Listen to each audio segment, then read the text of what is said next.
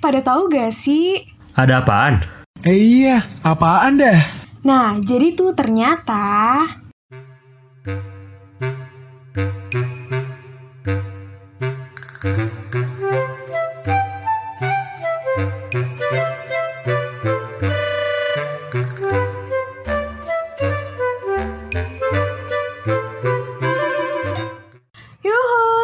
selamat datang di Lekat, memberi informasi terbaru secara lebih dekat. Balik lagi sama gue Nata. Gue Jere. Dan juga Raden. Akhirnya, setelah beberapa purnama berlalu, kita balik lagi nih di episode kedua untuk nemenin malam Jumat kamu.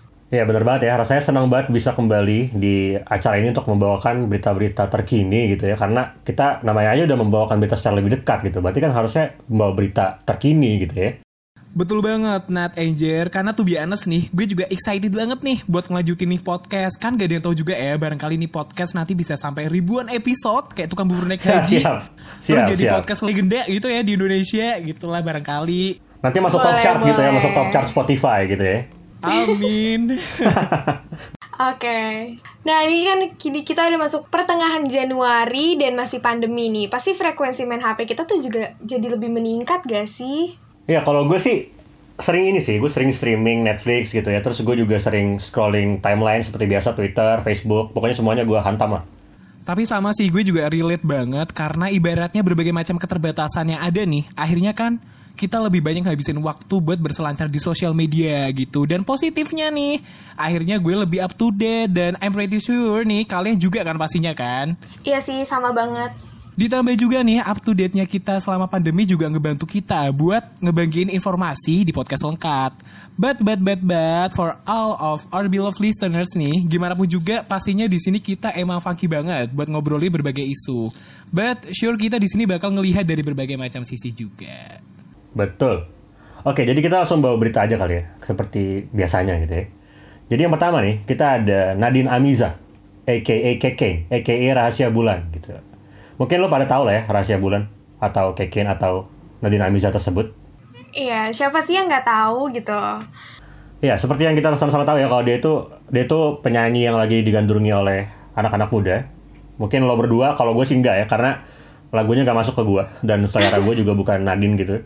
Nah, tapi ini kita kali ini nggak akan ngomongin Nadine-nya atau musiknya, kita akan kita akan ngomongin blundernya. Jadi kemarin Nadine tuh habis blunder ceritanya. Kalau mungkin lo berdua pernah dengar kali ya di Twitter gitu. Kalau lo baca sih mungkin tahu sih tentang Nadine. Iya gue juga sempat baca sih dan emang rame banget tuh di timeline gue. Oke, mungkin gue sedikit ini nih, gue sedikit cerita nih. Jadi Nadine ini, dia tuh datang ke podcastnya Deddy Kobuzer, gitu kan. Terus ya, seperti biasa kalau podcast Deddy Kobuzer kan eh, biasanya nanya, biasanya tuh sampai ke deep talk gitu loh, pri- prinsip-prinsip si yang diwawancara gitu. Dan kemarin si Nadine tuh bisa sempat bilang kayak gini, lo itu harus menjadi orang kaya supaya lo itu bisa lebih mudah untuk berbuat baik kepada orang lain. Nah, ternyata pendapatnya Nadine itu diserang di Twitter rame-rame gitu, dibully. Terus ada yang juga ngejadiin lucu-lucuan juga banyak gitu. Tapi sebenarnya banyak juga yang mendukung argumennya dia gitu. Iya sih, kemarin tuh emang sempat rame gitu loh. Bahkan sampai di IG teman-teman gue tuh ngebahas itu. Ter- Terlepas Hmm. dari lagu-lagunya dia yang emang puitis banget, gue ngerasa eh, kepribadian dia ini juga ngebeda dari yang lain gitu loh, kayak unik gitu. Mungkin itu kali ya yang bisa ngebuat dia tuh kayak kontroversi gitu. Berarti kepribadiannya malah bikin kontroversi gitu menurut lo? eh menurut gue kayak kepribadiannya dia yang unik sehingga kayak komentar yang bakal dia lontarkan tuh kayak beda gitu kan dari yang lain jadi kayak ngebuat perhatian Oke, dan jadi trending gitu Sumpah setuju banget sih gue sama lo Nat. Tapi nih ya, terlepas dari kontroversi yang ada juga, gimana pun juga emang namanya public figure gitu ya, pastinya emang bakal jadi perhatian publik gitu kan. Jadi kayak gue nggak kaget gitu loh kalau sekiranya Nadine bikin pernyataan gitu bakal heboh banget gitu. Karena Hah, even dia tidur iya sambil ngorok gitu ya, terus di videoin aja kayak bisa dijadiin bahan gitu loh buat ngehujat nggak sih? Gitu kan. Iya tapi tapi sebenarnya gini loh, eh, menurut gue, kalau gue pribadi ya, gue tuh nggak ada masalah terhadap pendapatnya Nadine karena menurut gue ya semua semua orang punya prinsip yang berbeda-beda dalam hidupnya dan sah-sah aja untuk lo melontarkan pendapat lo gitu. Cuma yang lucu adalah ketika kenapa hal kayak gini doang tuh dipermasalahin banget kayak di internet gitu ya. Jadi kayak gue gue gue agak menyesalkan sih kenapa pendapat Nadine ini itu tuh harus jadi gorengan di publik gitu. Maksud gue sah-sah aja nggak sih untuk lo berpendapat kayak gitu dan dan menurut gue nggak salah juga sih. Bener sih, karena gimana ya, namanya sosial media gitu loh. Kita kan bebas untuk berpendapat kan, dan itu wajar banget. pandangan orang yang beda-beda juga ya itu wajar. Kita nggak bisa menghakimi atau memaksa orang untuk punya pendapat yang sama dengan kita gitu kan. Mungkin karena di sini notabene adalah si Nadine adalah public figure kali ya. Iya, iya, betul banget setuju gue sama lo, Nat. Ibaratnya ya, kuncinya adalah bahwa bijak itu penting gitu loh. Kalau kata orang sih, jari-jari jari-jarimu harimaumu. Jadi kita harus lebih aware. Bukan mulutmu lagi ya. Iya, udah Bukan. sekarang jari-jari yang lebih pedes nggak sih? Oke, oke, oke sih, masuk sih. Kita harus lebih aware dan juga peka sama sekitar. Dan pokoknya jangan gegabah lah kalau kita ngobrolin suatu hal yang kaitannya sama media sosial.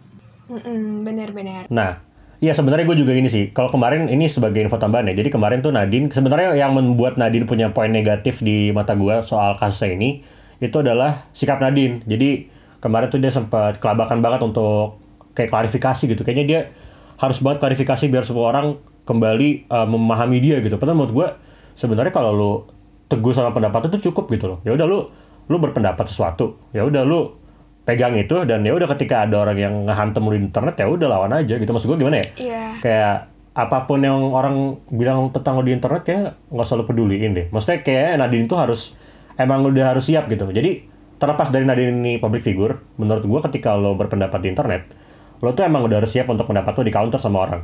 Jadi ya lo nggak bisa berharap apa-apa dong. Maksudnya apalagi Nadine orang yang besar gitu punya impact dan banyak yang nonton gitu kan. Jadi kayak yang tadi Nadine bilang otomatis orang yang bakal lihat argumen dia dan bakal counter tuh pasti banyak juga gitu loh Ya menurut gue ya emang kita udah dewasa lah ya Udah bisa ngebedain nih mana yang baik yang mana buruk Ya mungkin bakal secukupnya aja untuk menanggapi sesuatu gitu kan Dan itu jadi pembelajaran juga buat kita biar bisa berhati-hati lagi kan Ah ya bener sih, bener sih. Cuma gue, kalau gue, gue nggak mau mempermasalahkan banget sih tapi.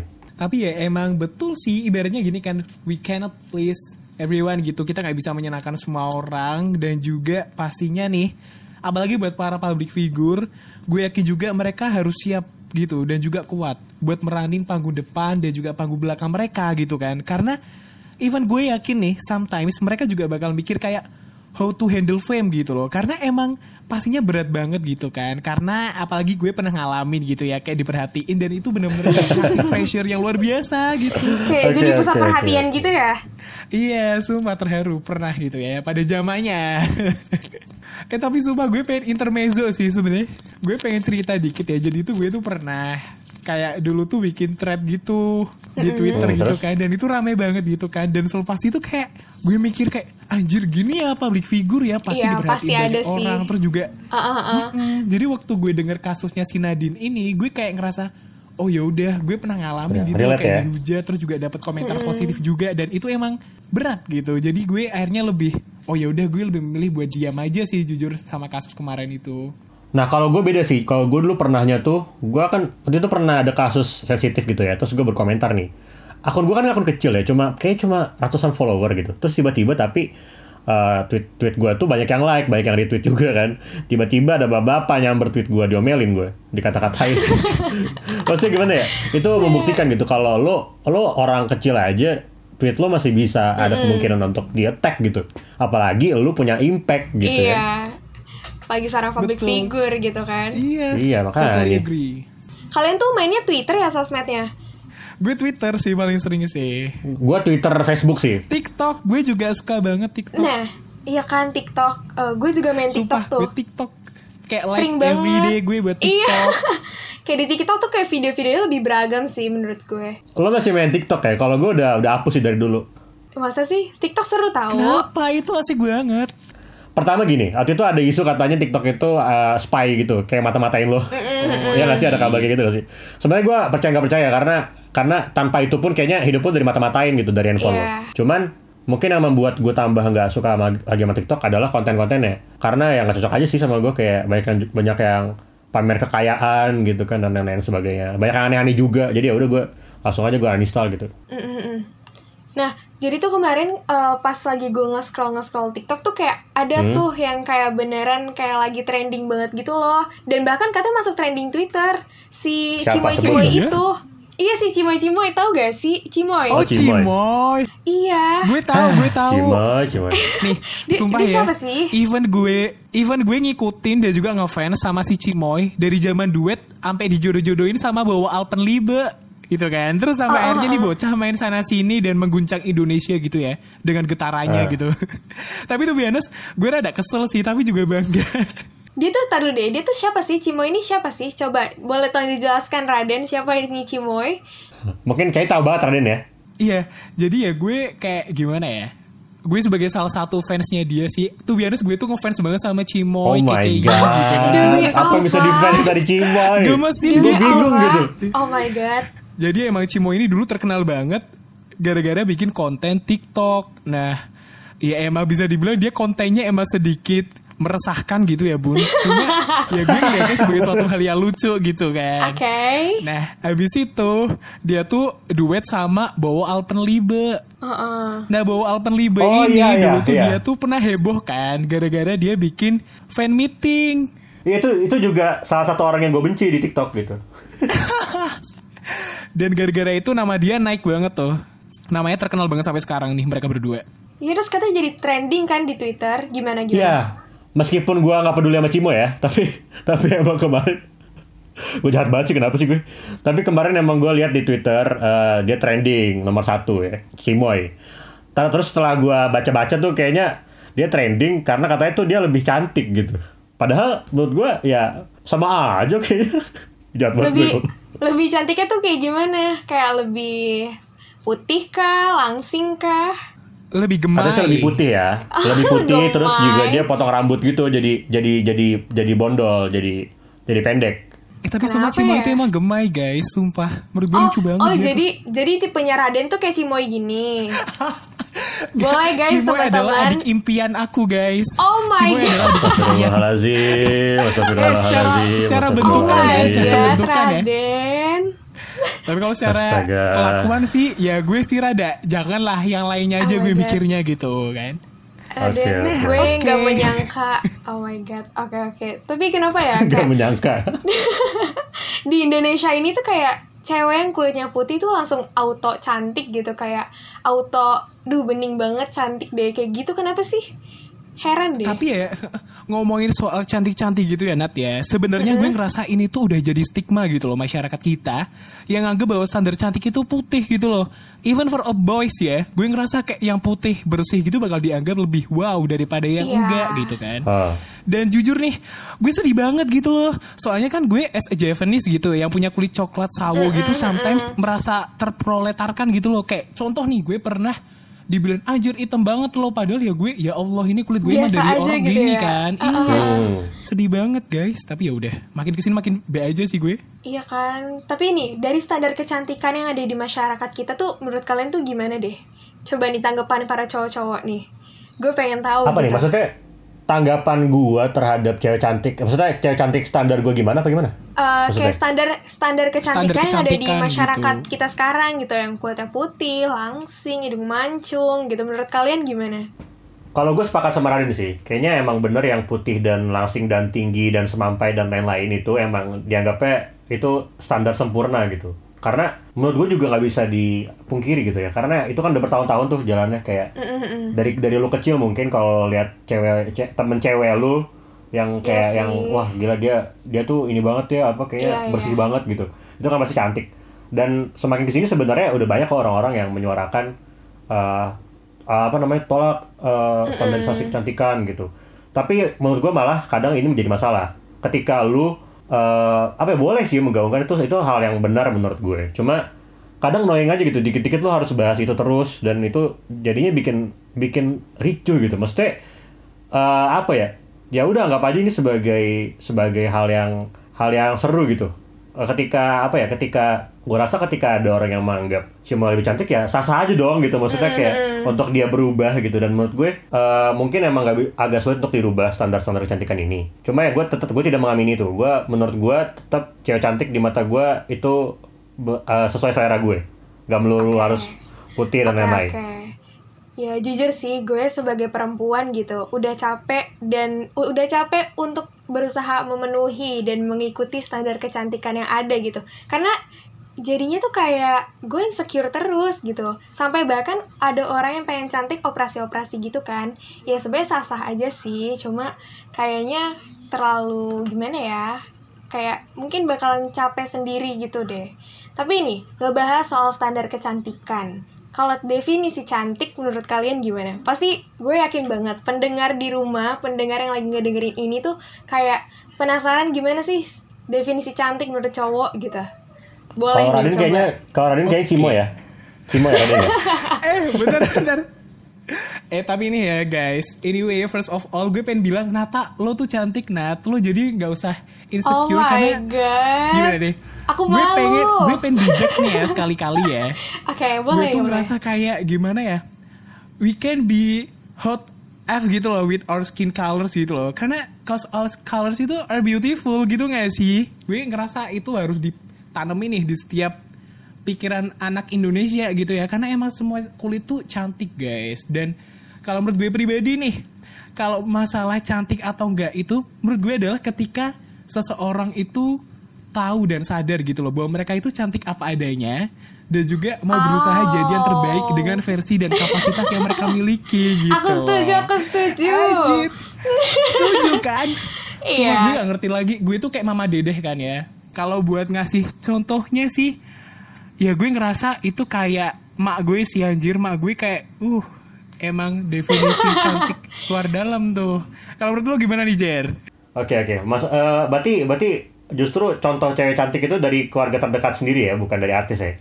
Kalau gue ngerasa mungkin gini sih, karena tadi kan gue nganggap bahwa emang cantik itu adalah ketika lo sadar lo cantik apa adanya dan mau berusaha jadi yang terbaik versi kapasitas mereka yang miliki kan. Dan gue ngerasa kayak emak gue itu memiliki itu, jadi ya Allah cantik banget gitu. Gue sepakat sama Raden. Kalau menurut gue cantik itu nggak butuh gimana ya? Kalau orang bilang harus ada pengorbanan apa segala macam. Kalau gue sih gimana ya? Gue tuh gue tuh agak sulit justru untuk untuk menyukai sese- seseorang perempuan cuma dari fisiknya. Jadi jadi menurut gue kalau justru kalau gue udah kenal pribadinya itu menurut gue itu udah cantik yang paripurna gitu. Kayaknya mas gue mas gue adalah ketika gue udah suka sama dianya dari dari pribadinya penampilan luar tuh udah nggak penting lagi buat gue. Jadi maksudnya cantik itu ya ya lu gitu menurut gue nggak usah nggak usah macem-macem. Kalau gue gitu ya. Wow. Boleh nih, pasti yang denger ini cewek-cewek langsung kayak, oh ternyata Ya, gitu. jadi buat gitu. kalian para perempuan-perempuan ya, nggak usah insecure, nggak usah merasa nggak usah nggak usah merasa kalian itu jelek karena menurut gue semua perempuan itu cantik ya kan. Jadi kalian santai aja gitu, hidup hiduplah sebagaimana kalian mau hidup gitu, santai saja gitu ya. Eh, eh tapi nih Nat ya, lo tau gak sih nih, ini si Jer itu jawabannya bijak banget gak sih? Gue yakin ya. Gini nih, Gimana, soalnya gimana? kemarin ya, gue sebenarnya gue rada iri, ya gak iri sih anjir, iri dengki banget ya gue. Cuma yang si Jer ini kan punya fans banyak ya, karena suaranya Wow. ganteng kan. Dari mana gue punya fans banyak Siapa Nah, nih? Siapa Nah, yang bilang suara jare ganteng? Kalian semua ngarang ya, kalian semua ngarang. Jangan terlalu berharap banyak lah sama gue. ya oke, thank you ya tapi ya untuk untuk pujiannya. Siapa nih? Coba deh nanti boleh ngaku ya, boleh di chat langsung DM ke Ya. Instagramnya Jere gitu. Ya boleh langsung follow saya di Fritz Jeremy ZT2 ya. Oke oke. Nah tadi kan kalian udah nyebutin kan definisi cantik menurut kalian tuh gimana. Tapi aku penasaran deh. Contoh cewek cantik yang kayak di selebgram, entah itu artis di Indonesia gitu. Tadi kan kalau si Raden kan ibunya, nyokapnya gitu kan. Coba deh, kalau misalkan artis selebgram gitu atau mungkin pacar kalian sendiri mungkin? Gak punya pacar kak, maaf ya. Gak punya pacar kak jomblo maaf Oke. nih. Raden dulu nih Raden, menurut, menurut Raden selain Cimoy siapa lagi Den? Kalau ngomongin soal public figure ya, gue ngerasa ya emang cantik banget itu Gita Gutawa sih. Soalnya gue ngerasa kayak Wow. dia tuh punya pesona gitu kan, dan Iya ya. kayak cantiknya tuh kayak luar dalam gitu loh kayak gue ngeliat mukanya dia aja kayak adem banget gitu Charming gitu But gak nih, sih? mm-mm, betul banget tapi nih gimana pun juga ya buat semua pendengar dan juga teman-teman gue juga gue pengen bilang bahwa kalian semua itu cantik guys gitu kan plus semua ada pasarnya juga Duh bisa aja Raden. Eh bener Jadi jangan pada minder nih ya Yang belum punya pacar Karena ngerasa kayak gimana-gimana Itu menurut gue kayak Cuma belum muncul aja hilalnya bun Gitu kan Santai aja Benar-benar. Karena cantik itu relatif ya, karena sesuai dengan cara dan kapabilitasnya masing-masing gitu. Betul sekali. Oke, kalau menurut gue siapa ya? Eh, susah sih karena gue tuh enggak, gue tuh enggak apa ya? Gue tuh orangnya enggak enggak gampang ngefans gitu sama cewek-cewek cantik gitu ya. Cuma kalau gue boleh bilang, kalau gue Isyana sih karena Isyana itu selain dia cantik, dia tuh juga punya kemampuan bernyanyi yang sangat-sangat luar biasa lah di di luar akal manusia gitu. Iya, Makanya setuju kemarin pas dia pas dia nikah tuh gue kemarin rada patah hati gitu. Cuma ya udahlah dia Hari patah kita doakan yang terbaik untuk kan? keluarganya Isyana. ya termasuk gua gitu kemarin. Gitu. Itu gua gua sih. Oke, tapi nih anyway, Nat Anjir dari tadi kita kan udah nge- ngebahas gitu ya tentang sosok-sosok yang cukup kontroversi gitu ya. Tapi kalian tahu nggak sih, akhir-akhir ini nih dia ada sinetron gitu yang lagi heboh banget dan dibikin timeline dan lingkup pervisipan gue nih sampai hebring karena jadi bahan Iya pembicaraan. banget. Tahu nggak? Tahu nggak? Tahu nggak? Tahu, tahu sumpah. kayak tahu deh gue. Tahu, tahu, tahu banget. Ikatan cinta gak sih? Betul sekali kata cinta. Soalnya nih, soalnya beberapa kali ya, gue lihat di Undip Manifest tau gak sih? Di Undip Manifest tuh ngebahas ikatan cinta. Gue kayak, wow, ikatan cinta sudah masuk Undip gitu. gue kira tuh kayak cuma emak-emak aja gitu yang nonton. Ternyata mahasiswa juga. Gue bingung kenapa lu pada nonton ya? Emang apa bagusnya sih? Tapi gini nih, Jer ya, terlepas dari emang mungkin kalau kita ngomongin soal drama Indonesia itu kan katanya nggak jelas gitu ya. Tapi nih si Hmm. ikatan cinta ini nih, teman-teman gue tuh pada bilang kalau sinetronnya tuh terarah gitu. Yang mana gue boleh cerita nggak nih tentang plot ceritanya mungkin nih? Boleh, boleh. Silakan mungkin diceritain. Oke ini mungkin dramatis banget guys. Jadi ceritanya tuh ada cewek Namanya Andin. Nah si Andin itu mau nikah sama orang namanya Nino. Nah Nino ini ternyata mantan gebetannya Elsa Which is adiknya Andin. Demi Nah abis itu mulai deh Drama kan? Banyak banget drama setelah itu. Pokoknya nih sumpah gue yakin 6 dosan sama Bae Suzy Startup lewat. Complicated banget ini ya. Complicated banget kan? Jadi emang uh, Luar biasa Aduh mohon maaf ya, gue gua sama sekali nggak merhatiin ikatan cinta itu apaan, ya Allah. Gue bingung sih, maksudnya kalau gue emang ini, kalau gue emang dari dulu tuh semenjak kapan ya? Semenjak banyak tuh sinetron-sinetron di suatu TV swasta yang gak akan gue sebutkan namanya, yang inisialnya RCTI itu. Oh, langsung, oke. Itu, ya inisialnya doang gue kasih tau ya. Jadi Iya, iya. itu kan mereka banyak tuh kayak produksi sinetron nggak habis-habis tuh nggak tamat-tamat sampai sepuluh ribu episode kali. Semenjak itu tuh gue berpikir ya udah sinetron ya ngejar rating doang dan kalau udah populer ya udah. Paling ntar juga ikatan cinta belakang-belakangan bakal sama kayak tukang bubur naik haji. Tapi tapi nih ya, kalau misalkan gue lihat nih di Ikatan Cinta tuh kayak emang pemainnya tuh mendukung banget si Arya Saloka lah, Amanda Manopo lah ya gak sih? Setuju sama nggak Manopo kenal- nggak Setuju kenal gue. Nggak kenal gue. Saking nggak taunya gue main di sinetron. Eh, sumpah Jere ya, fix banget lo sumpah harus nonton ini. Karena nih, even nih anak-anak jurusan gue komunikasi, ya genre musiknya Pamungkas, Aditya Sofian gitu pada nonton nih sinetron gitu kan. Demi apa? Kan gila banget tuh. Begitu menginfluence-nya ikatan cinta kepada masyarakat Indonesia gitu loh.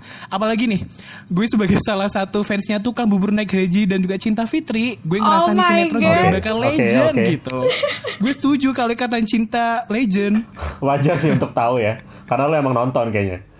Kalau gue ini, gue tuh cuma cuma suka sinetron tuh waktu gue kecil dulu. Apa ya? Judulnya kalau nggak salah Candy. Kalau kalau lo pada tahu Candy tuh yang main ini eh, Amanda Aurora, yang main di. NKCTH itu loh. Dia tuh dulu Gue main. tahu. Ya pas dia kecil, itu tuh menurut gue itu sinetron yang bagus dan kayaknya cuma itu aja dulu ya.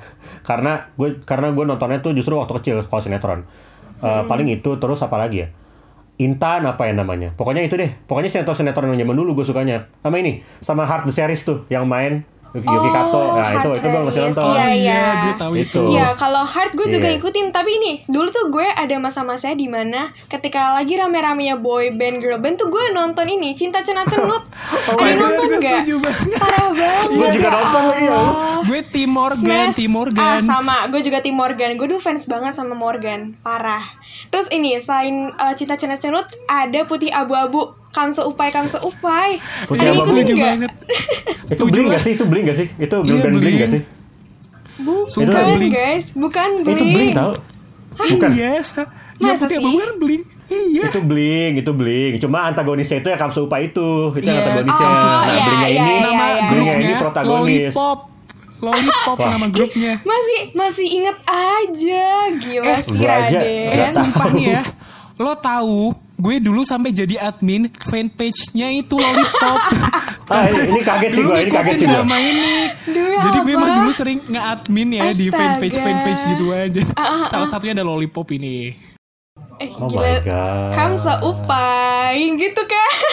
tapi ya ngomongin soal sinetron, sebenarnya gue juga setuju juga sama yang dibilang Jere. Jadi ada salah satu sinetron judulnya Intan nih. Intan ini dulu di RCTI dan berkesan banget gitu. Lo tau gak sih, bayangin aja nih, gue kan dulu zaman SD ya itu kayak kelas 1 atau 2 gitu. Bisa-bisanya gue tiap malam gitu meler, nonton gitu, nangis anjir sesungguhkan gitu kan mana pemainnya itu Naysila Mirdad tuh lihat mukanya tuh kayak sedih banget gitu loh kayak gue jadi gampang terharu kalau tiap nonton Intan gitu Oke, Ya oke, oke. ampun. Menarik sih pengalamannya ya. Ternyata sinetron sangat-sangat membawa pengaruh besar gitu terhadap Iya, iya tumbuh kembang Raden. sumpah si tanpa sinetron Indonesia ya gue nggak ngerasain quality time bareng keluarga deh terima kasih Oke. sinetron Indonesia Ah, masuk akal itu. Quality time-nya dapat sih tapi sama keluarga. kayak sekeluarga gitu kan kayak kayak Nonton nontonnya ya, satu nonton sinetron di- yang sama gitu iya sumpah Gila, kangen gila. banget ya tapi tapi gini tapi kayak eh, per- menurut gue ya perfilman di Indonesia tuh emang kalau buat sinetronnya itu emang perlu diperbaiki sih kalau menurut gue ya gue juga sih mikir gitu Kayak ada ada kurang lebihnya lah ya. Iya, pasti ada sih eh, negatif dan positifnya. Cuma negatifnya tuh kadang masalahnya tuh terlalu drama banget gak sih? iya Oh, kayak hidup gue Tuh, kalau ini sinetron bukan? Yang hidayah-hidayah gitu, yang aneh-aneh, yang kesambar Hidayah. petir lah, yang ketabrak mobil lah gitu. oh, Itu sinetron bukan? itu Kalau itu- itu Azab-azab FTV. kubur gitu ya? Oh, Bukan itu ya? F- FTV ya Itu masuknya. FTV, Eh, iya. sinetron sama FTV sama apa beda sih? Beda nih ya kalau FTV tuh kayak lo tau gak sih yang di SCTV yang ada tiba-tiba udah kalau lagu itu di yang FTV udah tuh. yang judulnya panjang-panjang ya. Sinetron tuh kayak berepisode gitu ya? Yang bersambung, yang yang series berarti ya. Hmm, iya paham paham. Iya sumpah ya Tuhan. Tapi itu sih maksudnya itu itu berarti nilai minusnya. Eh menurut gue kualitas sinetron sama FTV kan 11 12 tuh. Iya. Ya menurut gue sih kayak sinetron itu kurangnya adalah ya formulanya tuh gitu-gitu terus, terus juga mentingin rating doang. Artinya ketika rating lo naik, ya lo nggak peduli. Pokoknya ceritanya yang harusnya udah kelar sampai sini, lo panjang-panjangin tuh demi rating gitu. Karena ratingnya banyak, lo panjang-panjangin. Akhirnya sinetronnya itu sendiri udah nggak jelas kualitasnya. Tapi tapi karena banyak yang nonton, lo lanjutin. Nah itu itu minusnya sih. Mungkin kalau ya itu kalau positifnya tadi gua, udah gue bilang itu ketika lo nonton bareng keluarga itu seru banget dan Iya. bisa merekatkan banget keluarga lo. Cuma ya tetap tetap menurut gue sinetron bukan pilihan gue sih. Iya menurut gue ya kayak ketika ceritanya makin gak jelas dan apa yang ngebuat para penonton tetap nonton tuh ya pemainnya nggak sih kayak pemainnya nggak sih kayak ada yang ganteng lah ada yang cantik Nah, lah jadi fan service ya kalau iya bahasa ini ya. betul Di anime juga banyak gitu fan service. Iya sumpah lo tau gue setuju ngomongin soal pemain ya Gue dulu sama teman pernah rebutan tuh Tau kok kayak "Eh, anjir ini pacar gue anjir gitu Jadi kayak itu Oh, gitu salah ya? satu hal yang bakal dikenal Oh gitu Gara-gara nonton sinetron juga Oh, iya iya. Gak Tapi nih sih. terlepas dari apa namanya ibaratnya sinetron dan FTV Indonesia bisa dibilang masih tertinggal gitu ya dari drama luar gitu. Tapi gue juga pasnya apresiasi banget sih sama sinetron Indonesia karena menurut gue itu bisa ngerangkul banyak orang gitu loh. Kayak Ya, ibaratnya setuju sih. Semua lapisan Semua masyarakat umur tuh kayak gitu, bisa iya. iya gitu kan. Apalagi sorry ya sometimes kayak ada orang yang dapat hiburan tuh ya dari sinetron gitu kan even gue ngerasa nih gara-gara tukang bubur naik haji gue akhirnya akrab sama keluarga even datang ke acara apa namanya acara tukang bubur naik haji anjir kalau diingetin ada gimana gitu ya cuma ya emang terima kasih tukang bubur naik haji haji sulam I love you Bisa gitu. Oke oke keren sih ternyata. Ternyata ternyata ini ya membangun komunitas juga ya ternyata ya. Iya betul banget. Lo tahu nih emak gue. Jadi kan gue bikin Facebook buat emak gue kan. Terus dia tuh Ah. gabung grup ini fans suka bubur naik haji di Jakarta. itu sampai sekarang ada kayak gitu aja.